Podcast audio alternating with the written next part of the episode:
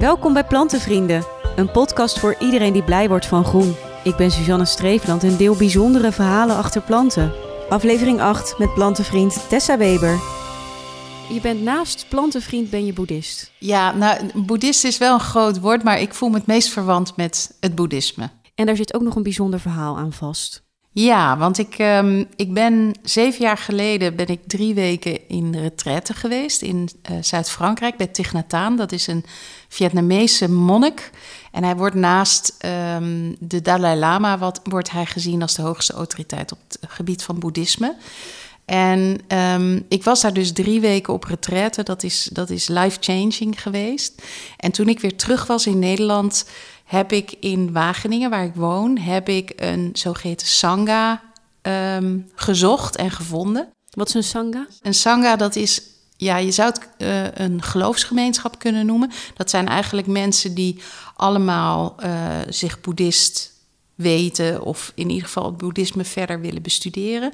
En, um, en iemand uit mijn groep had um, stekjes van de Bodhiboom uh, gekweekt. En dan moet je weten dat de Bodhiboom is de boom waaronder de Boeddha verlichting bereikte. Dus voor boeddhisten zijn Bodhibomen hebben een enorme uh, ja, betekenis, een hele waardevolle betekenis. En de bladeren aan de Bodhiboom lijken op een hart, hebben een hartvorm. Dus je geeft zoiets echt uit liefde? Je geeft zoiets echt uit liefde, ja. En waarom kreeg jij die? Ik kreeg die omdat um, in die periode mijn broer is overleden. Dat was ook de reden dat ik op retraite ging, zodat ik me innerlijk goed voor kon bereiden op, uh, op zijn overlijden. En, um, en het was dus eigenlijk een troostgeschenk van haar aan mij. En um, een bodhiboom, het was dus echt een stekje van, nou, als je, je je duim en je pink uit elkaar strekt, zo hoog was die op zijn allerhoogst. Heel klein. Heel klein. En uh, we zijn zeven jaar verder en hij is, uh, hij is in lengte verdubbeld, meer niet. Dus het, het groeit echt ontzettend langzaam. En um, het is als het ware mijn lakmoesproefje of ik voldoende rust neem. Omdat als ik te weinig rust neem, als ik te gejaagd leef, dan besteed ik te weinig aandacht aan mijn planten in huis. Ik heb heel veel meer planten. En uh, mijn bodyboompje laat dan onmiddellijk uh, zijn bladeren vallen. Dus aan het aantal bladeren kan ik zien of ik voldoende geaard, gegrond uh, aanwezig ben. Dus die boom zegt ook daadwerkelijk echt iets over jou?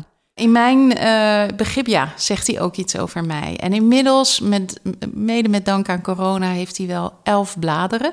En het waren er ooit nog maar twee. Dus um, ja. Maar hij is niet zo mooi om te zien, toch? Nee, hij is niet zo mooi om te zien. Het is, het is een, een, een lange, ja, in verhoudingsgewijs een lange kale stam. Ook nog een vrij dunne stam, waar verder ook niet zoveel op gebeurt. Um, en um, ja, die bladeren vind ik wel, wel mooi, maar die zijn ook niet zo heel erg groot. Ongeveer als je je, je duim en je wijsvinger zo'n beetje kromt. Uh, ja, ik weet eigenlijk niet. Nee, vuistgroot. Kleine vuistgroot, vrouwenvuistgroot. Zo groot zijn die bladeren. En die heb je dus nu een paar jaar staan? Die heb ik nu zeven jaar staan, ja. En het is, uh, het is ook best een veel eisend boompje, want je, hij kan Um, hij mag niet te veel zon. Hij moet wel voldoende licht, maar hij mag niet in het directe zonlicht. En hij moet twee, drie keer per week water, maar ook weer niet te veel. Uh, dus het, het, het, is echt een boom die veel aandacht vraagt. Veel aandacht en hij groeit dus ook nog eens een keer heel langzaam. Exact, ja. Maar het zijn bomen die, waar je dus, uh, zeg maar, uh, als die door blijft groeien, waar als je uh, met z'n twintigen mekaars hand vasthoudt, dan red je het misschien net om de hele omtrek van de boom te bereiken. Dus ze worden heel erg groot uiteindelijk en heel dik. Dus je moet er heel veel geduld voor hebben. Ja. En dan krijg je echt resultaat. Ja, en dat past op zich ook wel bij een boeddhistische levenshouding. Ja, en wat is die betekenis voor die boom nu voor jou? Want je hebt het dus als troostcadeau gekregen. Ja, nou ja, wat ik zeg, uh, een, een, een toets of ik zelf voldoende rust neem. Um, en ook is het nog, nog wel een verbinding met die retraite van uh, zeven jaar geleden. Um, waar ik in drie weken tijd zo'n enorme uh, ja, transformatief proces ben doorgegaan. Dus dat, daar blijft, ja, daar is die verbinding ook mee. En het is het, is het uh, als er brand uitbreekt, is het het eerste wat ik oppak. Ja? Nou, nee. Eerst mijn hond, die overigens ook Bodie heet. En daarna mijn bodieboompje. En dan ren ik het pand uit. Wel bijzonder. Ja. En je hebt ook nog een stekje meegenomen voor in de plantenbiep. Ja. En dat is een daglelie. Een daglelie, ja.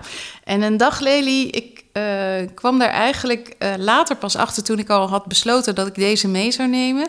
Dat het uh, op zich wel vergelijkbaar is met een bodieboom. Je moet ook namelijk voor de daglelie geduld hebben. Ik deze, heb deze opgekweekt uit zaad.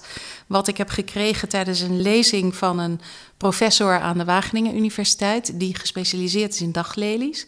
En die gaf een lezing van een uur over hoe bijzonder daglelies zijn. Dat er online een levendige handel in zaad is. Er worden allerlei soorten daglelies opgekweekt in allerlei kleuren.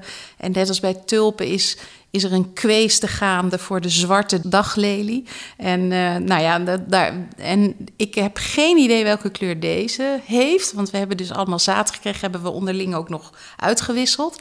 En ik heb dit zaad dus opgekweekt en dit jaar moet hij nog flink aan zijn worteltjes uh, werken. Ja, want het zijn nu een paar sprietjes. Het zijn een paar sprietjes. Je zou het zomaar voor gras uit aan kunnen zien.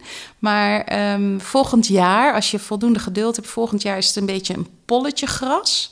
En als je in de volle grond, als die in de volle grond staat, dan komen er één, twee of drie uh, stengels aan. Daar komen bloemen aan.